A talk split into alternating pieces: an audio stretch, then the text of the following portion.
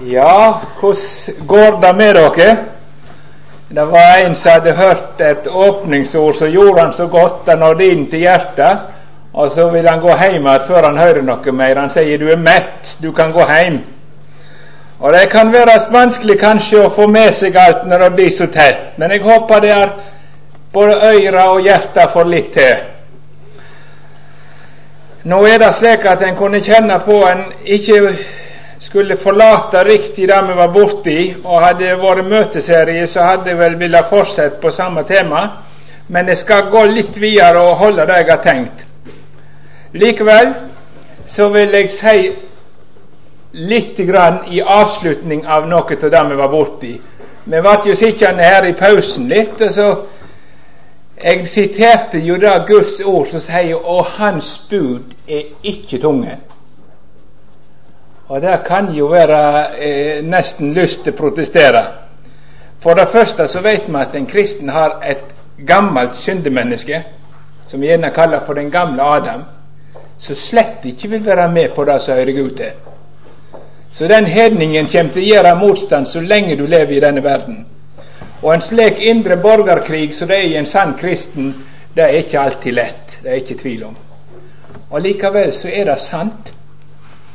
Og da tenker jeg på et vers fra Matteus 11.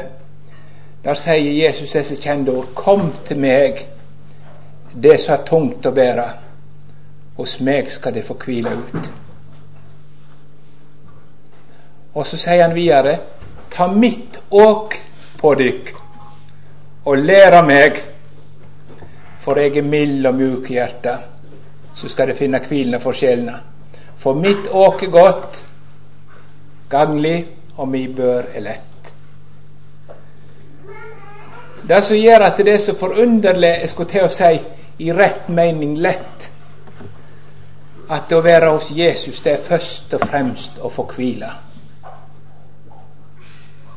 Da tar Jesus ansvar for mitt gudsforhold. Jeg skal slippe. Og så er det ikke bare det, men Jesus flytter sjøl inn og begynne å oppfylle Guds vilje innenfra i mitt liv. Og om det går ganske tregt med deg, så er han så mild og mjuk i hjertet mot sine venner. Han blir ikke trøtt av deg. Så lenge du fortsetter å komme til Han i din nød, og tar din tilflukt til Han Han er så forunderlig mot sine. Han blir ikke trett, han som jeg. Og da var det en av eh, våre forkynnere og misjonærer som hadde brukt et bilde fra Afrika, så jeg hadde mest lyst til å ta fram for å illustrere noe med dette at hans bud er ikke tunge. Og da står det altså 'ta mitt åk på dykk', og der menes jo sånne bæretre. Himmelrikets åk snakket de om. Men mitt åk blir Jesus sin disippel. Det er godt å være Jesus sin disippel. Det er så velsigna godt å høre Jesus til. Men så brukte han altså et bilde fra Afrika som ikke akkurat svarer til de bæretrærne som de egentlig tenker på, da, men det var likevel godt. Han så på når det var okser som plødde. De plødde med okser. Og det sitter eh, det er to okser som går i, i sånn spann med åker lagt over skuldrene. Og så henger plogen i, ned i midten, og så går det en bak og styrer. Det har du sikkert sett på filmer og bilder og hva det nå er for noe. Men det som gjorde det så merkelig å se denne oksen der, det var at den ene hans var så tynn og mager og svak og skrøpelig at det var med nauet han sto på beina. Og den andre der var en kraftig bøffel av rett og slaget. Og han syntes det var så merkelig å se de to skulle dra i lag. Og så tenkte han jeg må se når de pløyer. Den ene så vidt sto på beina, og den andre som var så kraftig at det så ut som en skikkelig bøffel. Jo da, det gikk som han tenkte. Når bonden nytter i, i, og gir beskjed at de skal begynne å gå, så legger bøffelen seg i og drar både vettloksen og plogen med seg. Så pløying ble det. Ta mitt åk på dykk, Det er forunderlig å gå gjennom livet sammen med Jesus. Han tar seg av mitt gudsforhold, men så bor han der inne og fornyer meg til stadig igjen og har lyst til Guds bud. Han blir ikke trøtt. Og blir ikke han trøtt, så kan jeg fortsette på himmelveien. Det er han som drar. Som han er mitt gudsforhold, så er han min helliggjørelse ved å bo i hjertet ved nådens ord. Og så fortsetter jeg, år etter år. Og når jeg ser tilbake, så vil jeg si at det å ha levd med Jesus har vært et forunderlig liv. Ikke syns jeg jeg har vært så god en kristen, men han har holdt den lova. Han har holdt den lova. Og ennå har jeg det ønsket. Jeg vil fortsette å gå med deg, Jesus. Det er et salig liv. Jeg vil ikke bytte med noen. I sannhet, hans åk er godt, og hans bør er lett.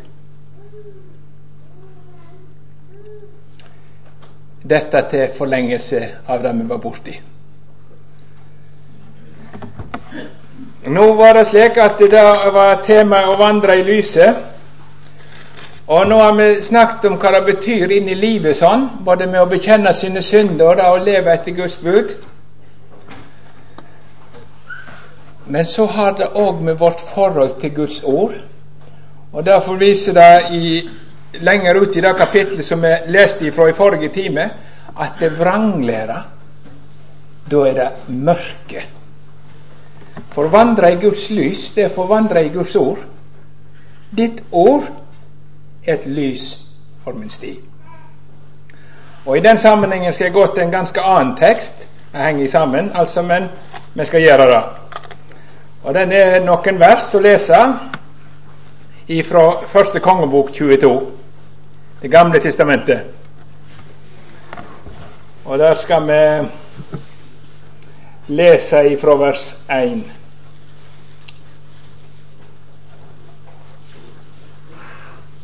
Jeg er litt spent hvordan det går med dere i varmen. Jeg skal ikke love at det blir bedre enn halvtime. Vi får se. Jeg tror vi må be først. Eh, kjære Herre Jesus, vi vil takke deg for ditt ord. Og nå ser du oss vi samla for ditt ansikt, og kan du ta deg av denne timen og ha oss i din sjelesorg så vi som er samla her på fjellet i dag, kan være samla for de trona i evigheten lang. Herre, må vi få vandre i lyset inntil det blir høglysdag. Amen. Ja, første kongebok 22. Det er det siste kapittelet i første kongebok. I tre år holdt de seg i ro, og det var ingen krig mellom Syria og Israel. Men i det tredje året hendte det at Josef, kongen i Juda, drog ned til kongen i Israel.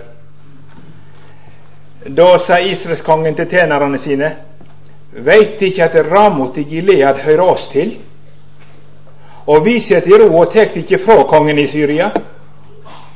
Og han sa til Josef at vil du dra meg, med meg til Ramot og kriga mot Gilead.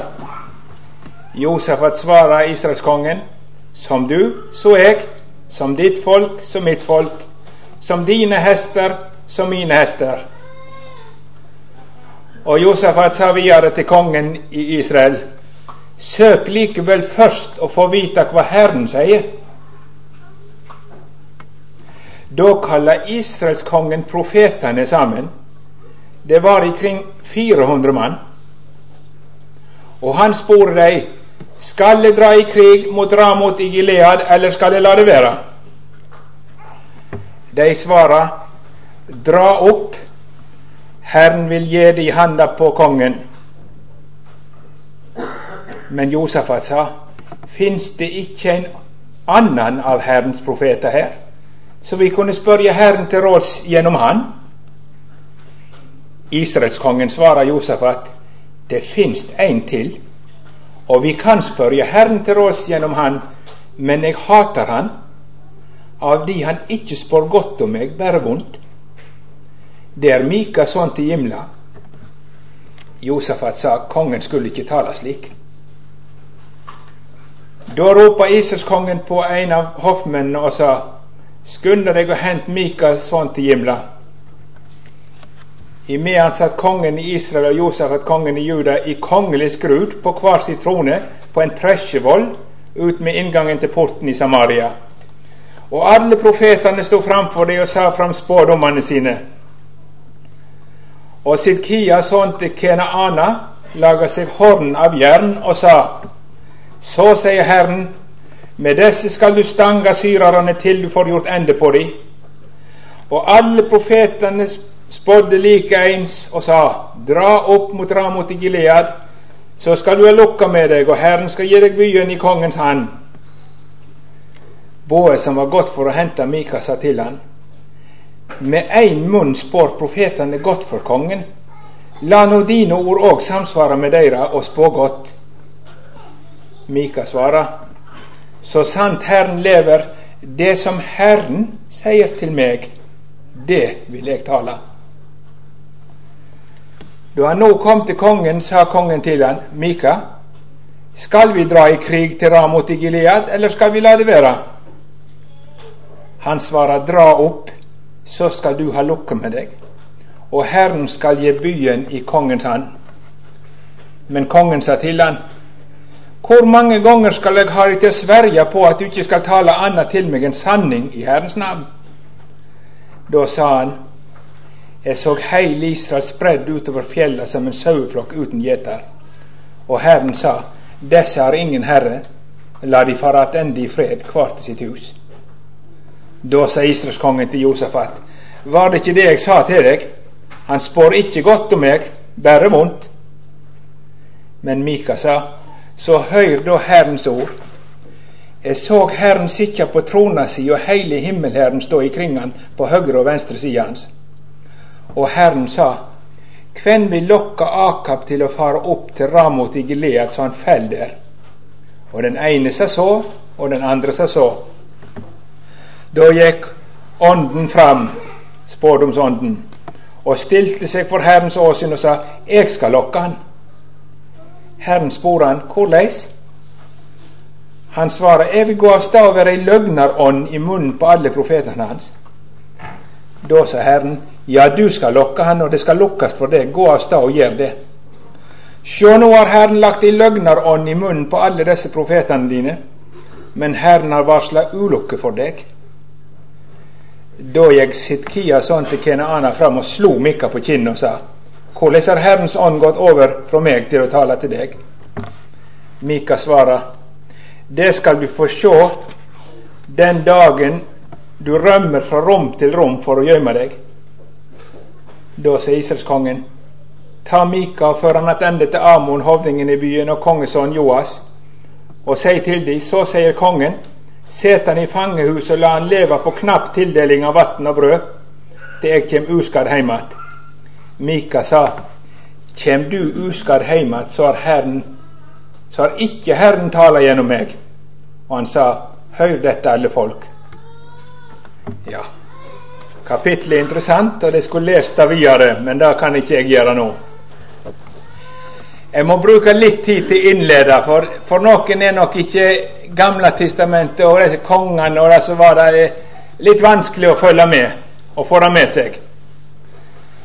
Jeg vil si til dere, bruk Skriften, bruk Gamle testamentet. Om du ikke syns du forstår så mye, fortsett å lese. Guds ånd bor der, og han vil deg noe. Og så vil han bruke det på ditt liv. Ja, etter kong Salamo, på grunn av hans frafall fra Gud, og det er jo tungt å tenke på Salamo, den vise kongen, på sine gamle dager, så var ikke hjertet hans helt med Herren. Han falt ifra. Og på grunn av hans kongedømme sin storhet, så var det så vanskelig seinere å fri seg ifra det frafallet som skjedde med kong Salomo. Og det begynte med at han ikke var tru i sitt eget liv mot Guds ord. Og den viseste mann på jord går det galt med hvis han ikke lenger følger Guds ord. Etter han ble Israelsriket delt i det som vi kaller for Nordriket og Sørriket. I Sørriket har de flere gudfryktige konger. I Nordriket så begynte de med han som heter Jeroboam. Og Han var jo livredd for at de skulle begynne å gå tilbake til Sørriket og til Davids hus og Jerusalem, for der var jo tempelet. Og Derfor var han i statsklokskap sånn innstilt at han prøvde å finne opp en ny måte å dyrke Gud på. Han lagde to kalver, en i Betel og en i Dan i nord og en i sør. Så folket ikke skulle fare opp til Jerusalem, for da trodde han de kom til å vende tilbake til, eh, til Sørriket og Davids hus. Og Derfor fører han inn det som ble Israels store ulykke. I stedet for å dyrke Gud etter ordet, så begynte de å dyrke Gud etter fornuften. Det kan du godt si. Det kan du godt si er statsreligionen i Norge. Det var en kristendom som skulle være å dyrke Gud etter ordet. Men så har folk i staden begynt å dyrke Gud etter fornuften. Så midt i at det gis ut for å være kristendom, så er det i stor, eller i liten grad, bibelsk kristendom. Veldig mye å dyrke Gud etter fornuften. Og Derfor kommer denne gifta inn i Nordrike, og fra da av går det bare nedgjennom. Og nedgjennom. Sånn fortsetter like fram til Gud advarer de, han sender profeter, sender revolusjoner, og det ene med det andre, men det blir ingen forandring. Så kommer kong Akab. Og da går det ikke bedre, men enda verre. For han gifte seg med Jesabel, og hun var datter til han som var øversteprest i Astartedyrkelsen i Sidon. Han hadde tatt makta i landet og blitt konge, og var ivrig Bals- og Astartedyrker. Og dattera likeså. Så nå gifta Israel sin konge seg med ei ekte avgudsdyrker. Og det som var med, med Bal og Astarte, det var at det var dyrka livskreftene i naturen. Der Bal står for kanskje det mannlige og frambringende, og Astarte står for det kvinnelige og mottakende. Og i baldyrkelsen så var det mye seksuelle utskeielser. Astartedyrkelsen førte med seg mange prostituerte, der en fikk lov å virkelig leve etter de simple syndelystene, samtidig som en dyrka guddommen. Eh, du skal ikke være mye til profet for å si at det, den slags avgudsdyrking er vanlig i Norge i dag. Det som er livets lykke for folk, i stor grad har med å dyrke seksuallivet. Ikke i sin rette sammenheng til beste for hverandre i, i ekteskapet, men det er nye ting og nye ting og stadig sterkere opplevelser der det blir en folke kan se på hyllene i bensinstasjonene. Det er å dyrke seksualiteten. Og det svarer til et folk i frafall. Dette smaker. Det vil en ha. Vel, når da Akab kommer på trona, så snur han altså og bestemmer at Bal og astartedyrkelsen skal fra nå av være Israels religion.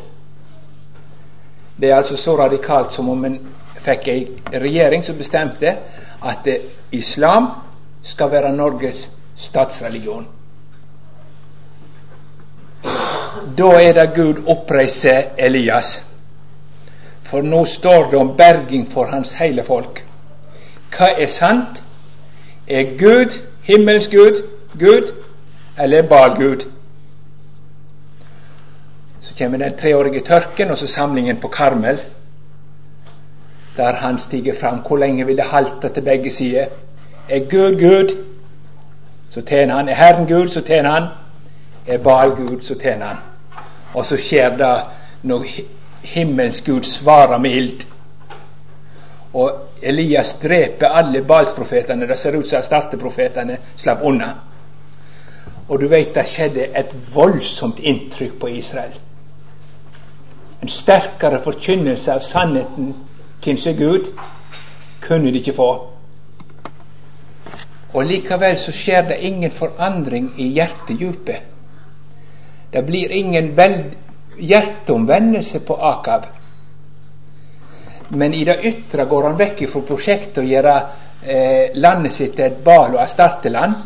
I stedet skaffer han seg profeter, som vi leste her om at han hadde 400 mann, som skulle være Herrens profeter, altså kristne forkynnere. Nå vil Akab være kristen, men ikke en kristendom som fører til hjertets omvendelse, men en kristendom som stemmer med hans egen tanke og lyst.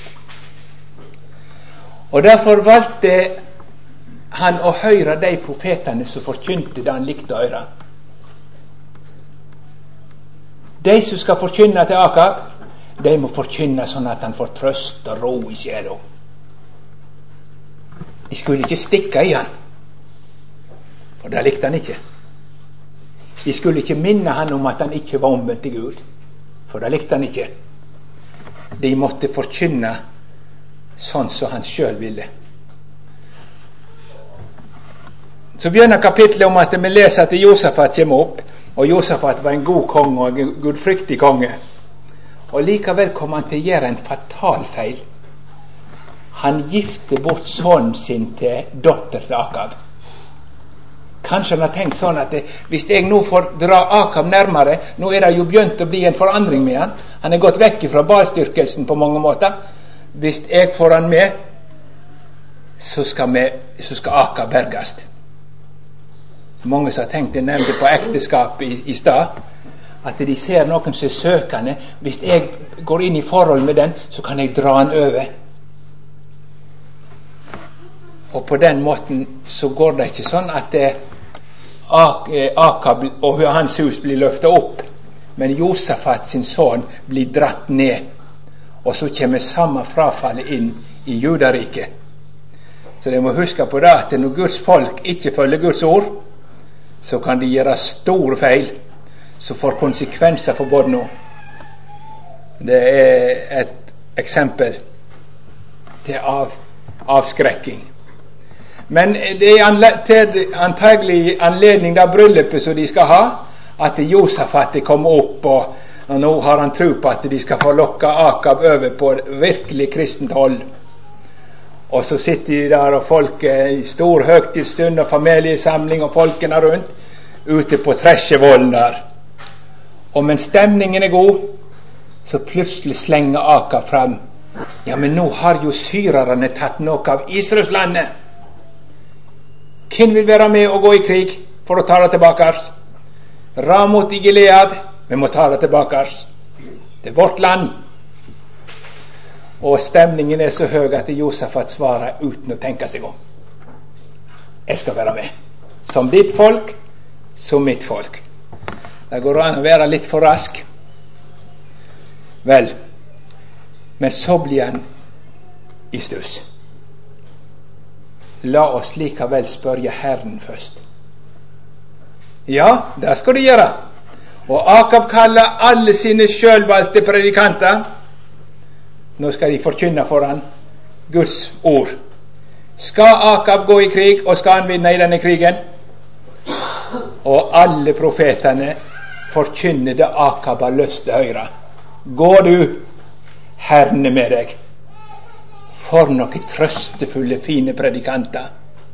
Og det var så godt å være i kirken i dag. Vi fikk sånn ro og sånn trøst. Gud støtte oss.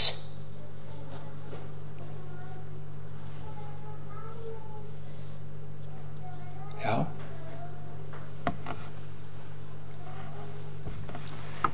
Josefat som lever med Herren, han er mistenksom. Han syns ikke lyden var rett.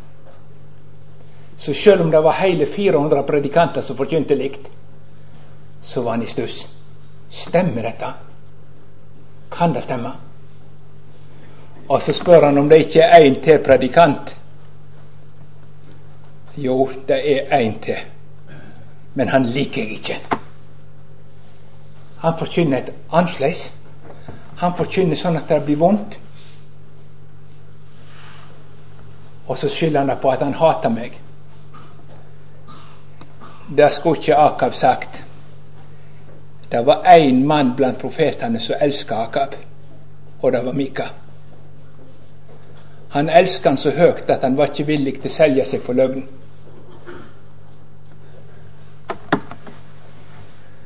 Ja. Så kommer alle disse profetene står der han, han eh, Hva han heter Det var sånne navn her. Sidkia, ja, sa han til Kenana. Han viser til et ord fra Bibelen som du finner i femte Mosebok. Der om Josefs slekt som med sine horn som villoksen skal stange fiendene og gjøre ende på dem. Guds ord sier at du skal vinne. Du er Efraim-slekta, og du skal vinne. Det sier Guds ord, sier han. Og gir han trøst ifra Bibelen. Ja, var ikke det rett? Nei. Han underslår det som den trøsten hviler på, en sann hjerteomvendelse til Herren. Det hoppet han over. Han snakket ikke om hans hjerteforhold, men han bare trøsta. Det kjennetegner de profetene. Og nå er vi kommet inn i ei tid, nå får jeg prøve å snakke litt fritt, der dette kjennetegner vårt folk på så store områder det er at en ikke lenger spør etter hva som er sant, men en spør etter hva som smaker godt. Det som er trøstefullt, det som gir ro. Og spørsmålet er om ikke det er langt er kommet inn i våre bedehussammenhenger, og også vil være blant de konservative. Er det lenger en forkynnelse som rammer hjertet? Er det bare noe som liksom trøster alminnelig? Det er et alvorlig spørsmål. For det står at Gud gir ei tid der du kan ta imot kjærlighet til sannheten. Og nytter du ikke den tid, så kommer Gud til å sende deg løgn. Fordi du ikke i rette tid har tatt imot kjærlighet til sannheten. Og Derfor skulle jeg ønske at det gjaldt oss som samla her, at vi ikke kommer for å få høre noe godt, først og fremst. Jo, gjerne, hvis det er sant. Men at vi først og fremst kommer for å høre sannheten.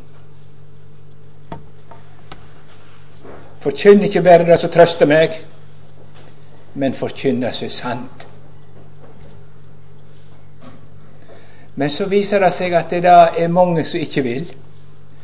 Og så finner de seg predikanter som ikke gjør noe opprør i sjela deres. Ikke peker på det som er galt i livet, men så bare, ja, skal jeg bruke et stygt uttrykk, jatta med. Det var det Akav gjorde. 400 mann som skulle støtte han og virkelig syte for at det var gudsfrykt i, slottet. Så får vi se en etasje opp.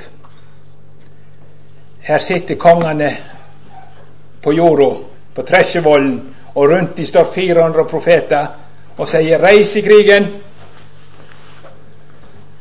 Disse 400 profetene hadde Akab valgt seg sjøl, for de forkynte altså det som klødde i ørene, det som smakte de. Nå skal Akab dømmes av sin sjølvalgte vei. Disse 400 mann skal bedra Akab, så han kommer under Guds dom. For i en høyere dom, der sitter Gud med sine rådgivere billedlig. Gud har all råd i sitt eget hjerte. Og sitter og skal dømme den ugudelige konge. Nå har han hatt den tida han kan ha fått tatt imot kjærlighet til sannheten. Nå er dommens dag endelig kommet for Akab. Og hvordan skal han dømmes? Han skal dømmes ved å få den forkynnelse han har lyst til å høre, og bli forført. Han har valgt løgnen. Han skal få løgnen. Og derfor tar Gud å sende løgnens ånd i profetene hans, som skal forkynne et budskap som fører Akab i fordervelsen. Fordi han ikke tok imot kjærlighet til sannheten, sender Gud kraftig villfaring, så han tror løgna.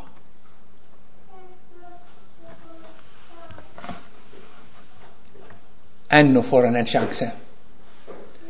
Det er én profet igjen som ikke har solgt seg.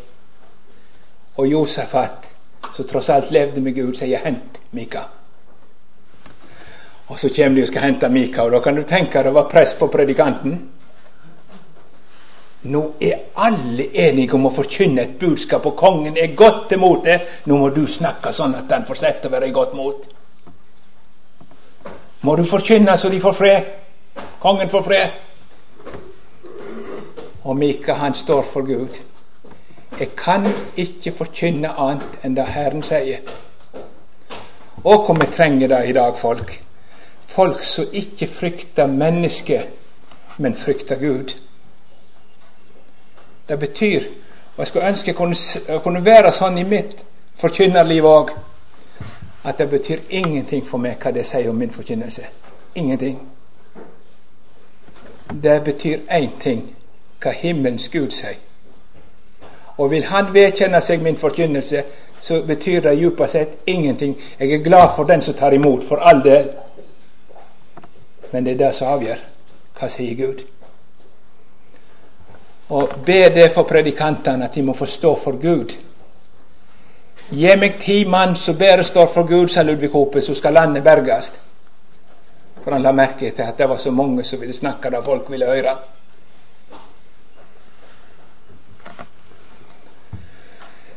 Ja, og så kommer Mikka fram, og så gjør han så åpenlyst det som de andre forlanger av han.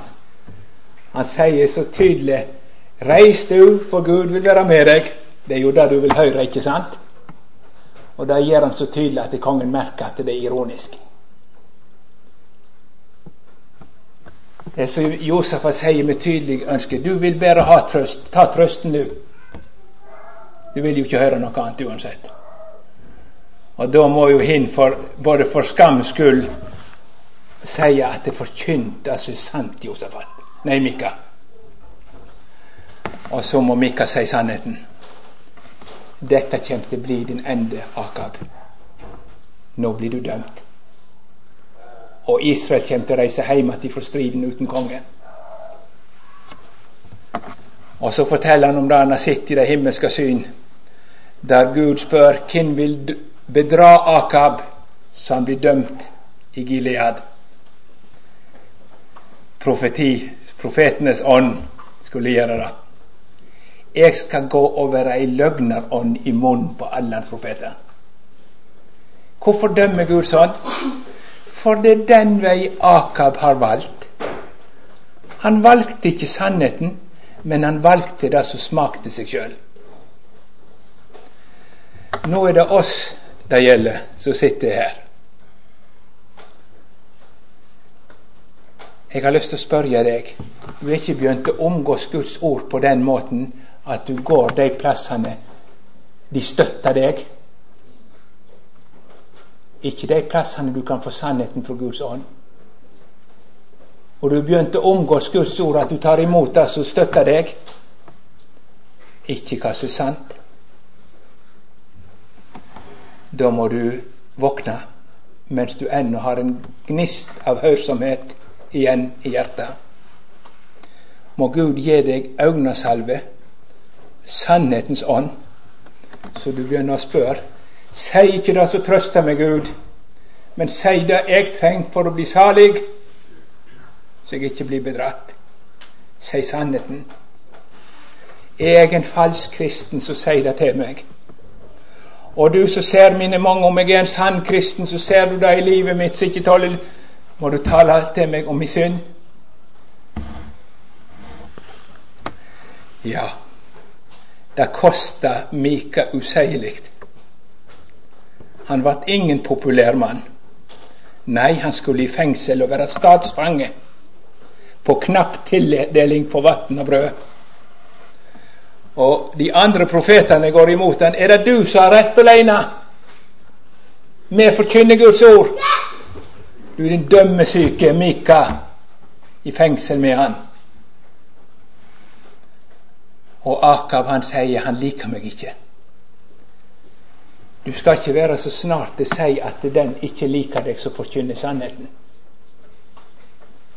Du har ikke noen bedre venner på denne jord enn de som forkynner sannheten til ditt hjerte. Venner, brødre, søstre, som ikke bare snakker deg etter munnen, men som taler sant, de vil du takke en dag om du kunne høre dem. For de er de eneste som kan være med og hjelpe deg til himmelens Gud og til saligheten. Ja, dette bildet har stått for meg om å vandre i lyset. Gi at vi kunne få sånne samlinger der sannheten fikk nå meg. Der Gud fikk ramme meg, der jeg sitter fast, der jeg har mine svakheter.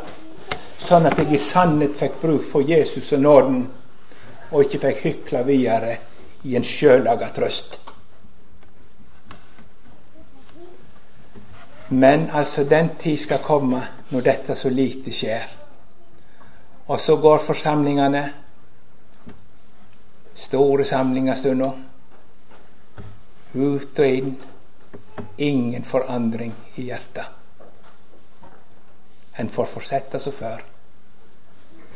Og så blir en etter hvert akkurat som grisen, som han sa, Carl Fredrik Wisløff. Gir du en kalde poteter, så er det godt, godt, godt. Gir du en varme poteter, så er det godt, godt, godt. Og så blir det godt alt. Bare det ikke rammer meg.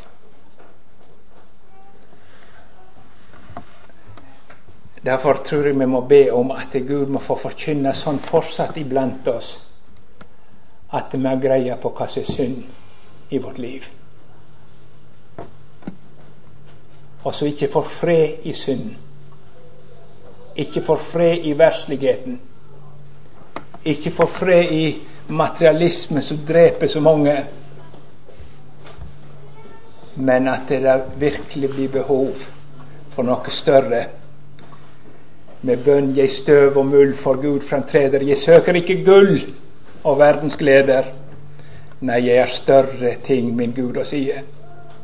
Ei mindre enn som så. Jeg ber Han om å få alt himmelriket. Det er det jeg må få.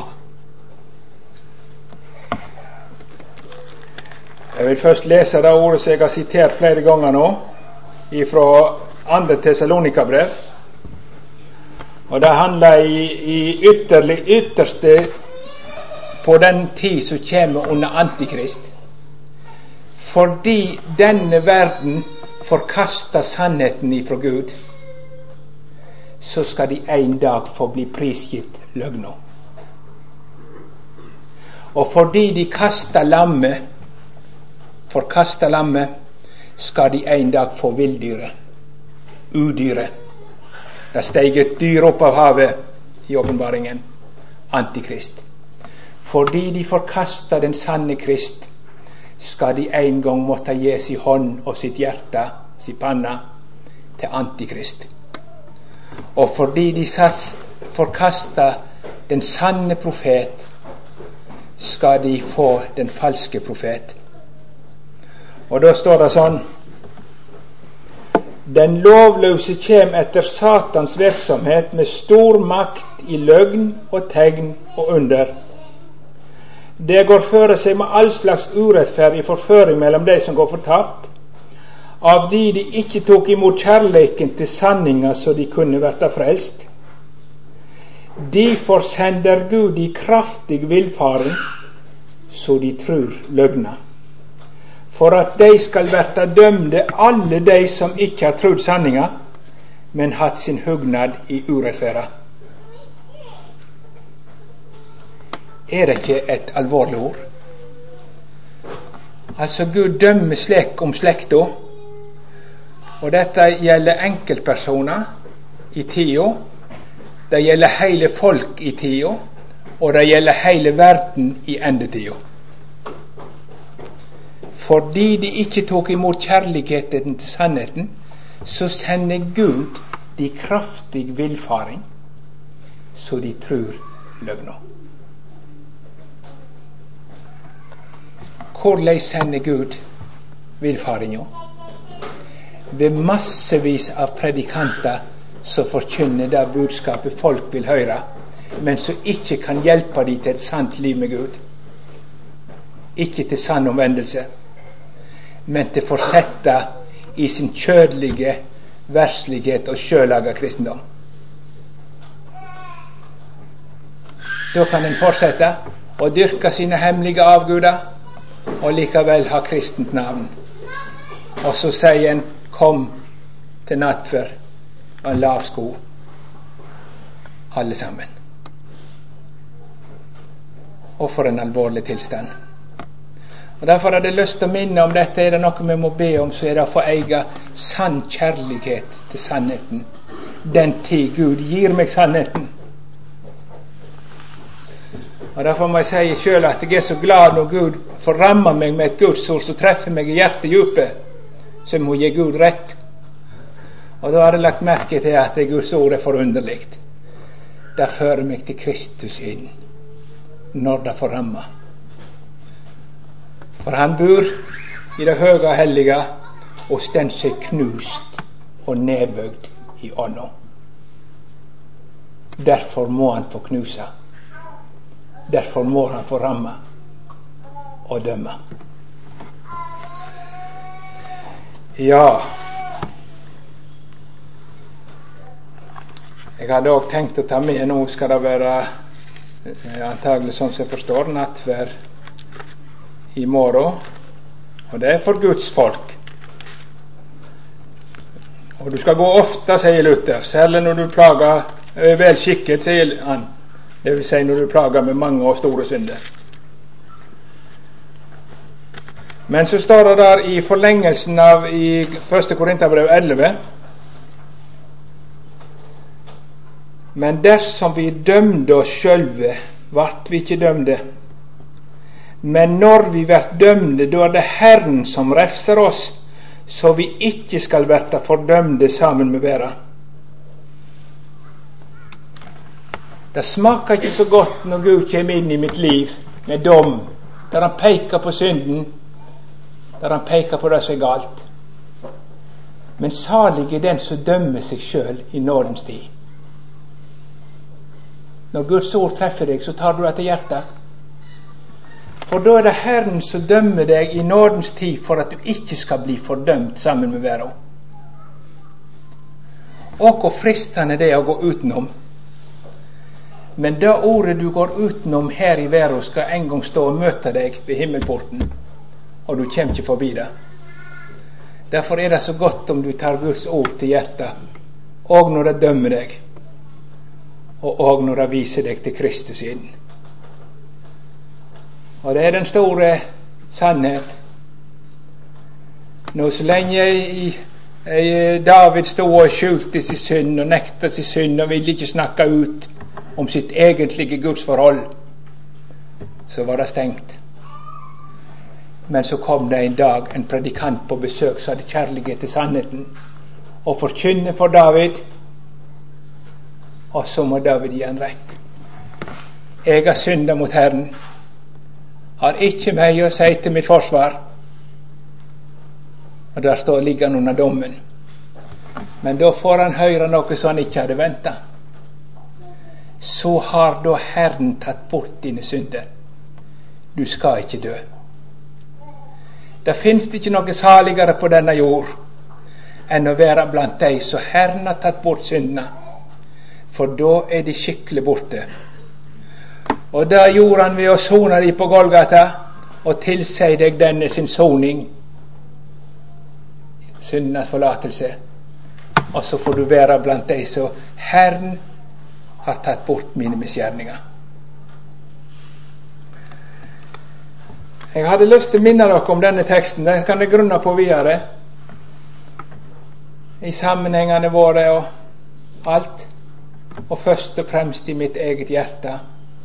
Jeg har vel en sånn innstilling. Tal sant, Jesus. Jeg vil bøye meg for ditt ord. Vis meg du hvordan du ser at jeg ser ut. La det ramme synden i mitt liv. Å, hvor godt det å bli dømt i nådens tid og ført til nådestolen, der det blir hvit som snø. Å gå sammen med Jesus til dom, står det. Kom, så går vi sammen til dem. Å, hvor godt det er. Jeg behøver ikke frykte for dommedag, for jeg og Jesus har snakka ut i nådens tid. Og han har tatt bort mine synder. Velkommen dommedag.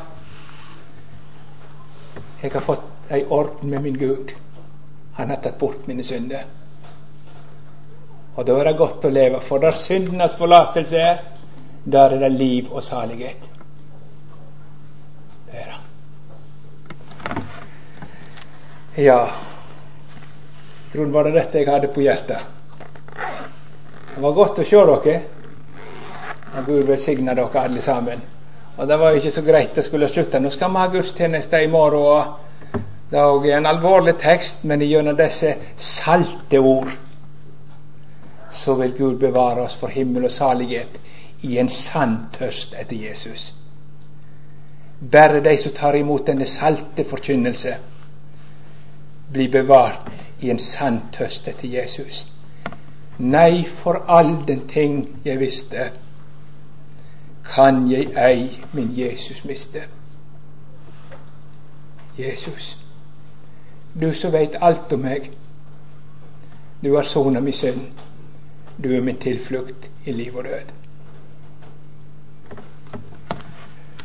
Kjære Herre Jesus, vi har lyst til å takke deg for at ditt ord er levende og kraftig. Og nå har vi i grunnen en inderlig bønn til deg, Jesus. Bevar oss i kjærlighet til sannheten. Og send du de forkynnere ut iblant oss som forkynner sannheten fra Guds munn. Og gi oss ikke å bare forkynnere som vil høre det som klør i ørene, Herre, men gi oss å ha kjærlighet til sannheten. Så ser du om det er noen her inne som ikke er omvendt til deg, som ennå ikke er blitt dine barn. Herregud, om du skulle nå noen slike. Nå ber jeg at de ikke må støte ifra seg sannhetens ord til sin egen undergang og ulykke.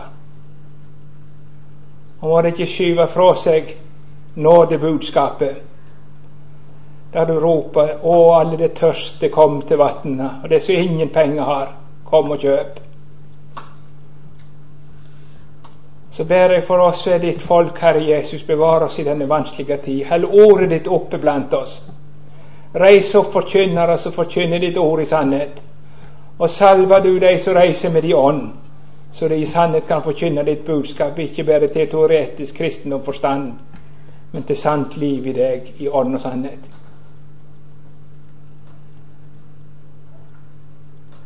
Det for hver enkelt som er her for ditt ansikt. Du vet hvordan de har det. Du vet de som er motløse. Du vet de som er sjuke. Du vet de som sliter med tvil. Du vet de som sliter med hardnakka fristelser. Herre Jesus, vil du være vår sjelelege. Før oss fram på livets veier. Før oss inn til livets øye. Amen.